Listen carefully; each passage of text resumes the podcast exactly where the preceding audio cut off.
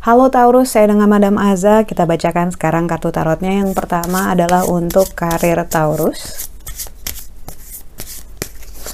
Kartu yang keluar adalah The Tower. Ketika kartu The Tower keluar, ini mengingatkan kita akan ego yang tinggi disambar petir. Ini menunjukkan adanya hal-hal yang sering kali nggak sesuai dengan harapan kita, keinginan kita gitu ya, nggak sejalan dengan rencana awal, bisa jadi itu adalah peringatan dari Tuhan agar kita belajar lagi untuk rendah hati, agar kita bisa lihat sekeliling kita dengan uh, kacamata yang lebih baru lagi, yang lebih merendah lagi, karena kalau misalnya kita hanya ngikutin ego kita sendiri, khawatirnya nanti kita dipermainkan oleh ego kita sendiri ego itu bikin kita cuma ngeliat yang enak-enaknya aja, yang bagus-bagusnya aja, yang mudah-mudahnya aja buat kita. Padahal kita tahu kan, gak selamanya yang yang enak itu bagus buat kita. Kadang-kadang jalan yang sulit, kadang-kadang keputusan yang tidak menyenangkan, sebenarnya malah suatu hal yang bagus sama kayak obat nggak manis tapi obat itu pahit gitu karena itu kata The Tower ini bilang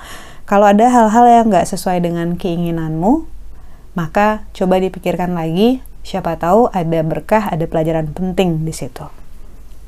Lalu untuk percintaannya Taurus, kartu yang keluar adalah The Fool. Ketika kartu The Fool keluar, ini menunjukkan tentang mengambil sebuah keputusan yang berbeda ataupun mengambil sebuah risiko yang berbeda dari sebelum-sebelumnya. The Fool ini taking risk gitu ya ketika kita menjalin hubungan dengan orang yang karakternya beda banget gitu sama kita ataupun karakternya beda banget sama pasangan yang terakhir ataupun beda agama, beda lokasi, beda suku ataupun keluarga kita mungkin nggak belum tentu setuju itu bisa dibilang bahwa melakukan sebuah keputusan yang tanda kutip the full uh, menunjukkan adanya risiko walaupun tentu saja bukan risiko dalam hal bahaya tapi kayak yang nggak ada salahnya sih sebenarnya dengan ngambil risiko asal kita juga siap menerima konsekuensinya gitu. Berbeda nggak berarti salah gitu, cuman berbeda bisa jadi memerlukan sudut pandang dan juga penanganan yang berbeda dibanding sebelum-sebelumnya. Lalu kartu nasihat yang diberikan untuk Taurus.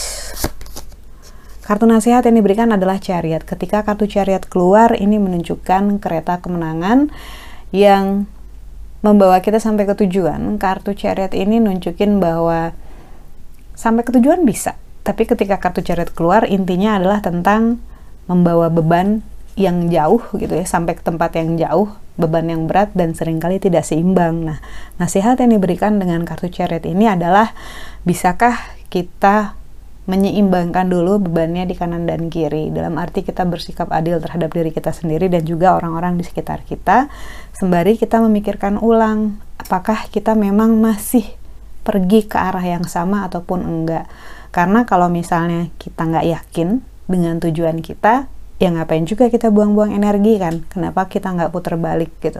Tapi kalau misalnya memang yang mau dituju itu penting dan masih selaras dengan tujuan kamu, hal-hal yang ingin kamu lakukan, upayakan, ya nggak apa-apa. Yang penting kartu chariot ini intinya ngomongin tentang endurance ataupun daya tahan.